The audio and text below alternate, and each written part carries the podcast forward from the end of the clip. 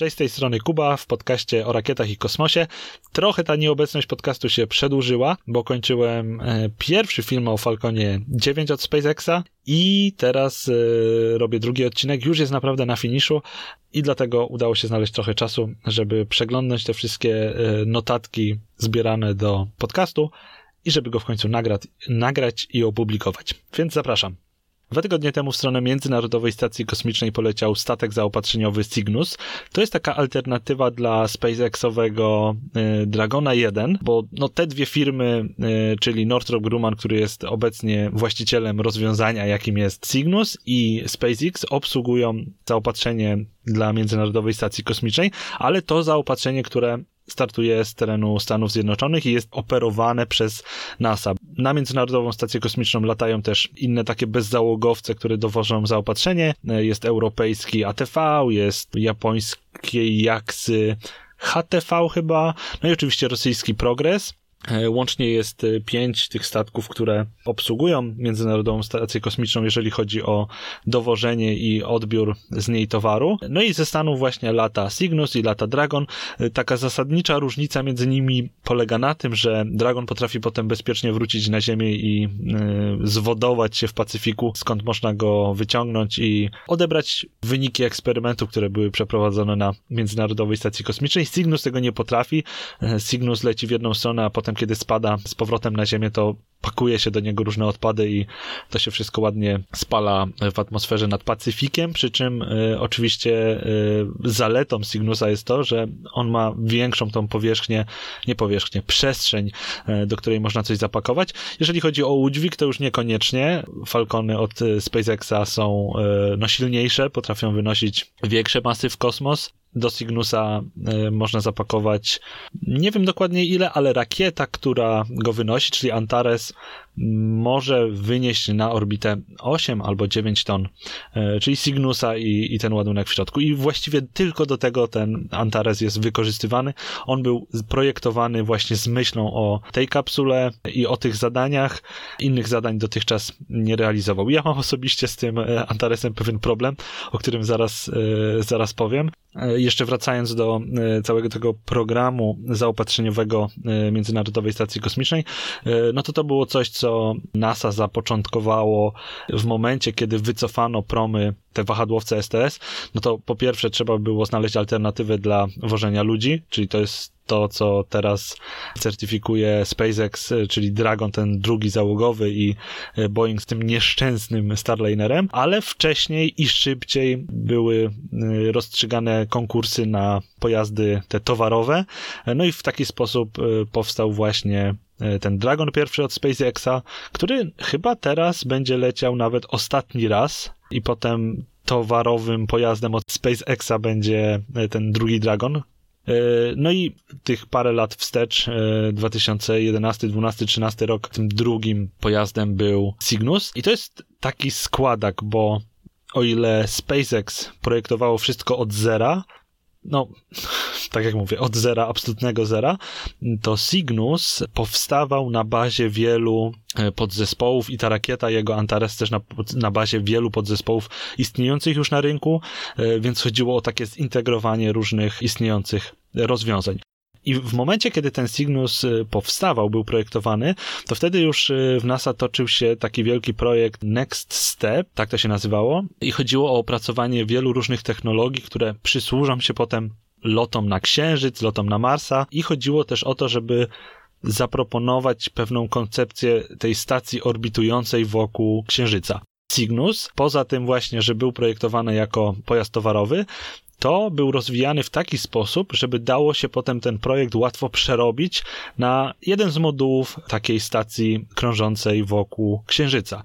I to poszło na tyle dobrze, że obecnie Gateway, którego dwa pierwsze elementy są już zamówione i zostanie umieszczony na tej takiej dziwacznej orbicie wokół y, Księżyca, będzie właśnie składał się z modułu zasilania i napędu który robi firma Maxar, która zajmuje się platformami satelitarnymi, a ten pierwszy moduł, w którym będą mieszkać ci astronauci i do którego będzie wszystko na początku zadokowane, to będzie właśnie przerobiony Cygnus i nad tym Northrop Grumman, czyli właściciel tego rozwiązania właśnie mm, pracuje. Nie wiadomo jeszcze, jaką rakietą to zostanie wysłane, bo taki moduł na pewno będzie ważył o wiele więcej niż e, Cygnus, e, bo tam będą musiały być zintegrowane jakieś doki, systemy podtrzymywania życia, mm, e, no nawet same takie napędy, które zawiozą to na Księżyc i potem skierują na odpowiednią orbitę, więc to będzie miało odpowiednią masę. Nie wiem, czy ten Antares, którym latają teraz Cygnusy sobie poradzi. No jeszcze zobaczymy. Na pewno, na pewno Cygnus wcześniej miał doświadczenia z innymi rakietami, bo był taki epizod, że ten Antares w 2014 roku miał awarię, eksplodował nad platformą startową i żeby dalej kontynuować loty zaopatrzeniowe na Międzynarodową Stację Kosmiczną, no to musiał e, Cygnus latać czymś innym, dopóki e, Northrop Grumman, a wtedy jeszcze chyba Orbital ATK, tak się nazywała firma, która to stworzyła, zanim przejął to Northrop Grumman. No i ta firma musiała sobie radzić z tym problemem w postaci rakiety wadliwej, musieli ją przeprojektować. No i wtedy dwa albo trzy loty ogarniał Atlas 5 e, od United Launch Alliance i on tego Cygnusa woził w kosmos, żeby sobie doleciał na Międzynarodową Stację Kosmiczną. Ta awaria tego Antaresa wtedy to było pokłosie właśnie tego, że jest on takim składakiem z różnych istniejących rozwiązań e, z całego świata wręcz, bo napędy, którymi, z których korzysta e, Antares, to wtedy były rosyjskie silniki NK-33. Fantastyczne silniki, one pamiętają czasy wyścigu na Księżyc, kiedy e, Rosjanie ścigali się z Amerykanami i to są rosyjskie napędy opracowane dla rakiety e, N1, które właśnie miały kosmonautę rosyjskiego zawieźć na, e, na Księżyc. No niestety skończyło się, znaczy stety, niestety, no skończyło się tak, jak wszyscy wiemy, dotarli tam Amerykanie i potem już nikt. No i te napędy zostały i teraz w XXI wieku ten cały jakby arsenał techniczny postsowiecki Amerykanie odkupują i montują w różnych swoich rakietach, w różnych systemach. Niestety tak się zdarzyło, że w tym silniku NK-33, który ma oczywiście jakąś inną nazwę, bo on jest kupowany przez Amerykanów, przerabiany, ma nadawaną swoją nazwę nową i e, jest, był montowany e, w tych Antaresach. No i doszło do takiej awarii, że 6 e, sekund po starcie w jednym z tych dwóch silników, który napędza ten booster, ten pierwszy stopień Antaresa, zepsuła się pompa tlenu, no i momentalnie ta rakieta straciła napęd, więc spadła z powrotem na platformę startową. Potem trzeba to było rozwiązanie przeprojektować, wstrzymać loty tego Antaresa. No i Orbital e, ATK rozkminiał to wszystko i wymienili to na inny rosyjski napęd. Bardzo solidne rozwiązanie, bo to jest nowsza wersja napędu, który napędza, napędu, który napędza, napędu, który jest zainstalowany w Atlasach 5. Antares teraz lata na silnikach RD-181. To są dwa jednokomorowe silniki zasilane kerozyną i ciekłym tlenem. Wcześniejsza wersja tego silnika skutecznie napędza od wielu, wielu lat Atlasa 5, czyli tego ninja wśród rakiet, który jest do wszystkich tych takich dziwacznych, trudnych zadań brany pod uwagę i, i wozi te sondy wokół Słońca na Marsa. Takie skomplikowane zadania realizuje. Bardzo elastyczna rakieta. No i właśnie Antares teraz sobie lata na nowszym wariancie tego samego silnika. No i można zadać pytanie, dlaczego Amerykanie w swoich no, ważnych projektach, bo to jest tutaj zaopatrzenie Międzynarodowej Stacji Kosmicznej albo nowożenie tych takich trudnych ładunków, czyli coś na Marsa w tym Atlasie, dlaczego Amerykanie korzystają z tego serca, z tego najważniejszego elementu pochodzącego z Rosji? No przecież Amerykanie zawsze się chwalą, że to co ich jest lepsze, Rosjanie zakładam, że mówią to samo o sobie, że ich jest lepsze niż to amerykańskie. No to dlaczego Amerykanie korzystają z tych rozwiązań rosyjskich? Powody tego leżą między latami 80. a 90., kiedy upadał Związek Radziecki. Znaczy, oficjalne stanowisko e, USA jest teraz takie, że w momencie, kiedy upadł Związek Radziecki, to na potrzeby takiej dyplomacji między USA i, i Rosją, żeby ściągnąć tą Rosję tak w stronę zachodu, żeby ci naukowcy, którzy dotychczas, inżynierowie, którzy dotychczas y, pracowali w tym przemyśle Związku Radzieckiego, nie zostali podkupieni przez jakąś Koreę Północną czy jakieś inne Chiny, to należało sprawić, że zostaną na swoim miejscu, że dalej będą pracowali dla tego rosyjskiego przemysłu, który no, przechodził ciężkie chwile takiej restrukturyzacji.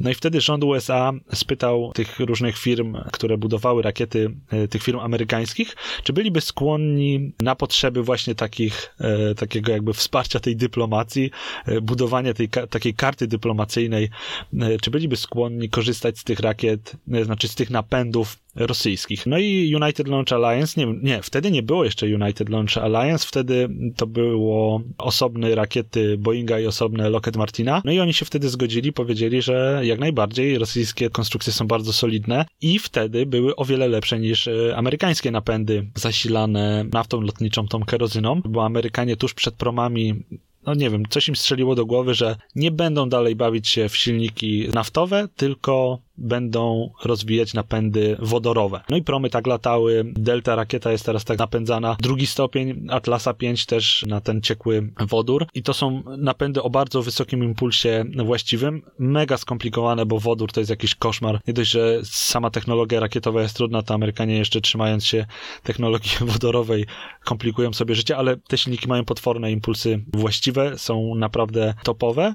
No a Rosjanie zostali przy tej kerozynie i dalej szlifowali ten temat, ulepszali te silniki, więc doprowadzili do takiego, można powiedzieć, mistrzostwa w tej kategorii e, paliwowej. Nawet Merliny od SpaceXa, którymi się tak zachwycamy teraz, nie mają takich parametrów wydajnościowych jak te rosyjskie napędy, więc e, i Atlas i Antares tak naprawdę mają wyższej klasy napędy pochodzące z Rosji niż SpaceX ze swoimi Merlinami. Oczywiście tutaj można sobie jeszcze dyskutować, bo SpaceX potrafi to odzyskiwać i jednym gorszym napędem latać wielokrotnie, no a te rosyjskie mm, po tym jak pierwszy stopień jest odrzucany z tego Atlasa czy z Antaresa, no to przestają istnieć, gdzieś tam wpadają do Atlantyku, czy skąd tam startują i w którą stronę lecą.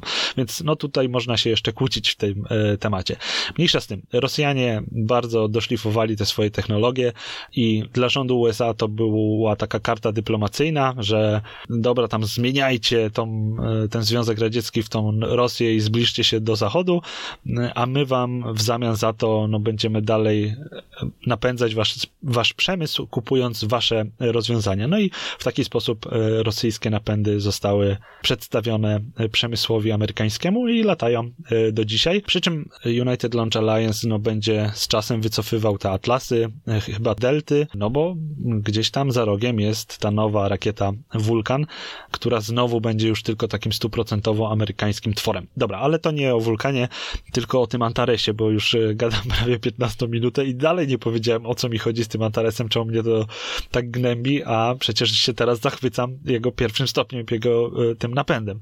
Pierwszy stopień to jest wschodnie rozwiązanie, no bo silniki są rosyjskie, zbiorniki są chyba ukraińskie, i drugi stopień to jest coś, co mnie tak gryzie, bo ja zawsze wychodziłem z założenia, że po to są silniki na paliwo ciekłe, żeby można było dynamicznie kontrolować ciąg rakiety, no i wchodzić precyzyjnie na jakąś konkretną orbitę. To jest zwłaszcza potrzebne na drugim stopniu rakiety, kiedy rzeczywiście ten proces się finalizuje i wchodzimy na konkretną orbitę i trzeba precyzyjnie sterować ciągiem i umieszczać ładunek na wyznaczonym miejscu tego kosmosu. No i z tym Antaresem jest na odwrót, bo on ma e, silniki zasilane paliwem ciekłym, te rosyjskie, na pierwszym stopniu, a na drugim stopniu ktoś tam wsadził SRB, czyli silnik na paliwo stałe, no, nie, nie, nie wiem, jak, jak to wyglądało w tym e, Orbital ATK, kiedy oni rozmawiali, jak zrobić tą rakietę i nie wiem, ktoś tam pewnie rzucił, jak ją tak skomplikować, żeby była jakaś taka najbardziej hardkorowa. No i ci inżynierowie wtedy, potrzymaj mi piwo. Dobra, zrobimy na odwrót z tymi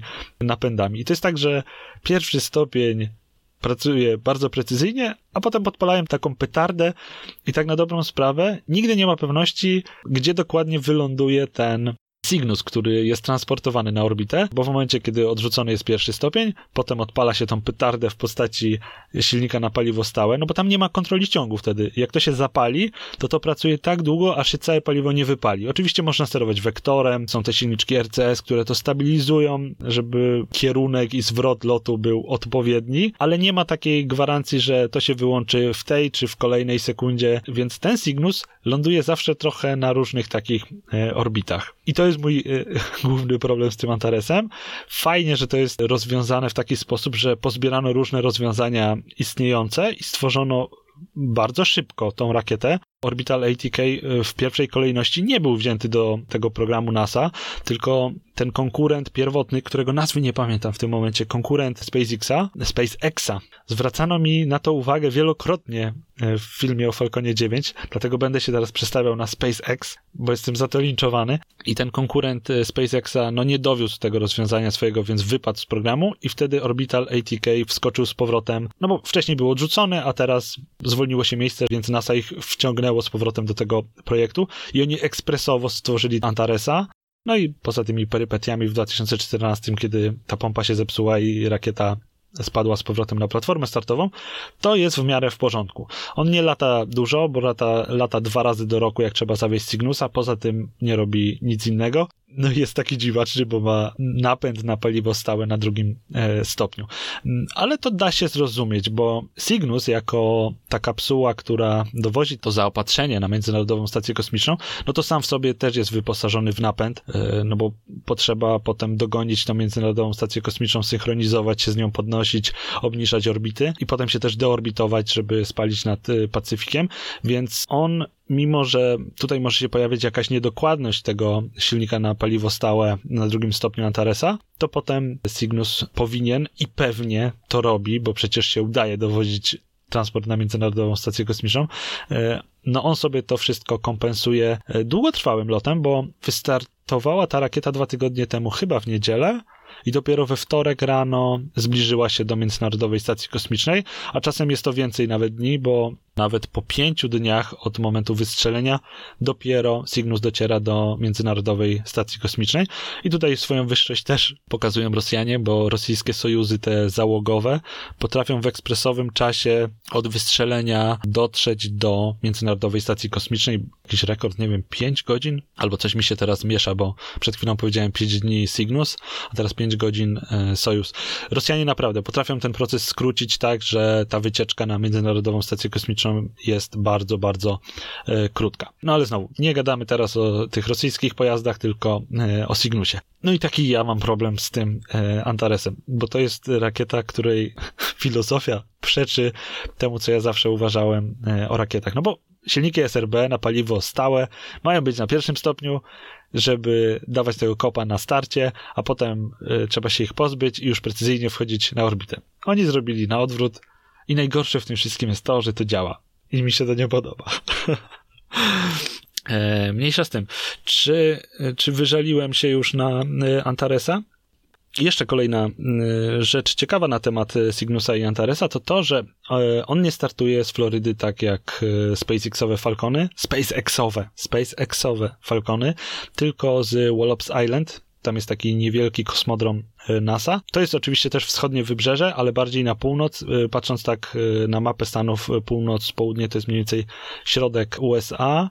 W okolicach stolicy USA, Waszyngtonu, przy czym no to jest zbyt ogólnikowo, bo stamtąd do stolicy jest jeszcze 200 albo 300 kilometrów, no ale powiedzmy, że to jest ta szerokość geograficzna mniej więcej. I tak się akurat przypadkiem składa, że tam w tym momencie też będą startować rakiety Rocket Labu, bo Rocket Lab, który pochodzi z Nowej Zelandii i tam ma swoją pierwszą platformę startową, to drugą platformę startową otworzyli właśnie mm, po sąsiedzku z Northrop Grummanem w Wallop Island i stamtąd teraz będą obsługiwać sobie e, te różne amerykańskie kontrakty. I co ciekawe, właśnie Rocket Lab w tym momencie wygrał od NASA projekt, e, znaczy dostawę, ogarnięcie dostawy satelity, który trafi E, na orbitę wokół Księżyca.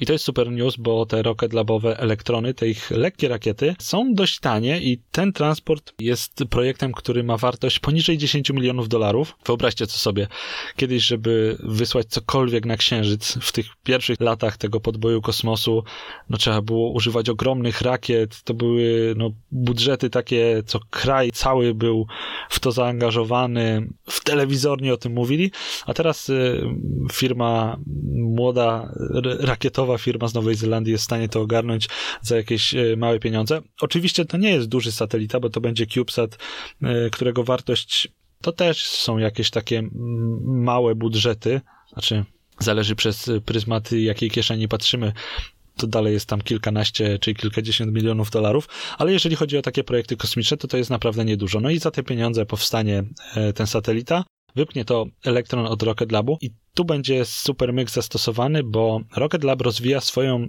powiedzmy taką jakby platformę satelitarną, która tak naprawdę trochę też jest takim trzecim stopniem ich rakiety to będzie coś takiego, co będzie inaczej, inaczej.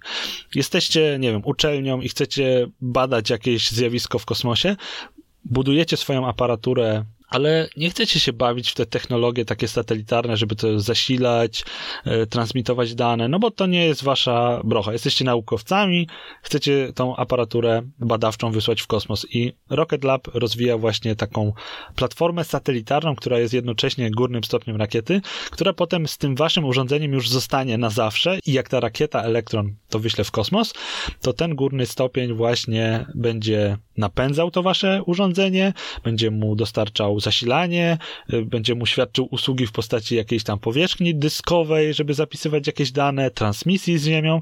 Y, I to urządzenie ma też być wykorzystane, oczywiście w mniejszym stopniu, żeby pomóc dostarczyć tego mikrosatelitę, nie mikro. Tutaj musimy być precyzyjni. To jest CubeSat bo pewnie jest jakaś klasa mikrosatelitów i ja teraz opowiadam jakieś kłamstwa.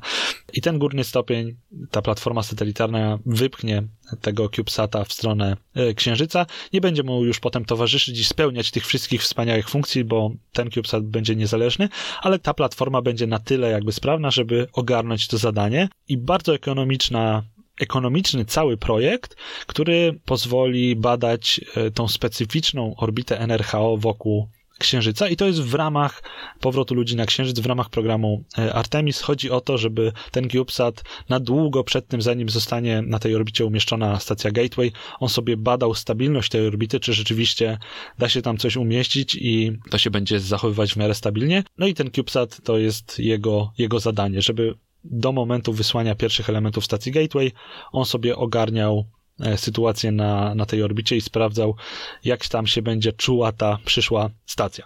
Fajny projekt, mega się cieszę dla Rocket Labu, bo to jest też firma, której mocno kibicuję. To jest taki game changer, jak to mówią. Zamieszałem trochę w tej branży, bo chciałem teraz powiedzieć, że wycięli sobie kawałek tego tortu z tej branży kosmicznej, ale można powiedzieć, że oni zdefiniowali trochę taki własny obszar lekkich lotów. Do tego, tego stopnia jakby pokazali, że jest zapotrzebowanie na tego typu rozwiązania, że obecnie SpaceX rozwija taką platformę do wysyłania małych satelitów, taki adapter na swoje Falcony, kurczę, tutaj zaczynam już dość mocno gdybać, ale SpaceX też chce mm, w małych satelitach e, operować, żeby kilku klientów zebrać, wiele tych satelitów umieścić na takim rdzeniu i potem e, rozwieść to e, w odpowiednie miejsca, na odpowiednie orbity, w zależności od tego, który klient gdzie chce to zrobić. No i Rocket Lab w tym się czuje bardzo dobrze, no i też im rośnie konkurencja, bo teraz nawet z Alaski będzie w momencie, kiedy to nagrywam, jeszcze nie wystartowała rakieta Astry, startupu, który rozwija rakietę do takich szybkich bardzo zadań. Ale dobra, wróćmy do rzeczy, które mam jeszcze na liście, o których chciałem powiedzieć, a są to jeszcze dwie rzeczy.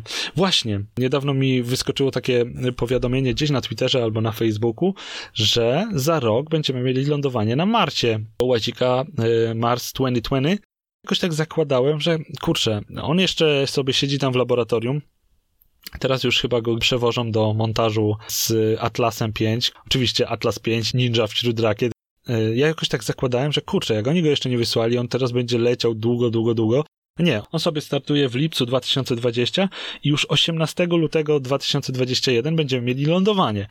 Tam jest y, bardzo fajna akcja, y, jeżeli chodzi o posadzenie tego łazika na powierzchni Marsa. Y, w latach 90. mieliśmy Pathfindera, który, no najpierw jak tam spadał, to były jakieś te spadochrony, potem dmuchała się wielka taka poducha i, i on spadał wtedy na powierzchnię Marsa, no bo tam atmosfera jest bardzo mało gęsta. Schodzenie z tej prędkości międzyplanetarnej do takich prędkości, które nie rozwalą tego o powierzchnię Marsa, no jest dość dużym wyzwaniem mało gęsta atmosfera, trzeba to wyhamować. Przy okazji łazika Curiosity, kurczę, żebym nie skłamał, nieważne. Lądowanie jest zrealizowane w, w taki naprawdę dziwny sposób. Ja, ja sobie w ogóle nie wyobrażam, jak wyglądał jakieś spotkanie w NASA, kiedy ktoś przedstawiał ten koncept, bo to jest coś takiego, że najpierw to oczywiście jest hamowane spadochronami, ale to nie, nie spada na ziemię na spadochronie, tylko ta cała jakby kapsuła, w której jest schowany ten łazik, może tak, może po kolei. Oczywiście jest jakaś osłona termiczna, bo jaka by ta atmosfera nie była, przy takich prędkościach coś tam się będzie grzało, więc najpierw jest osłona termiczna, potem są spadochrony, które to wyhamowują na ile się da.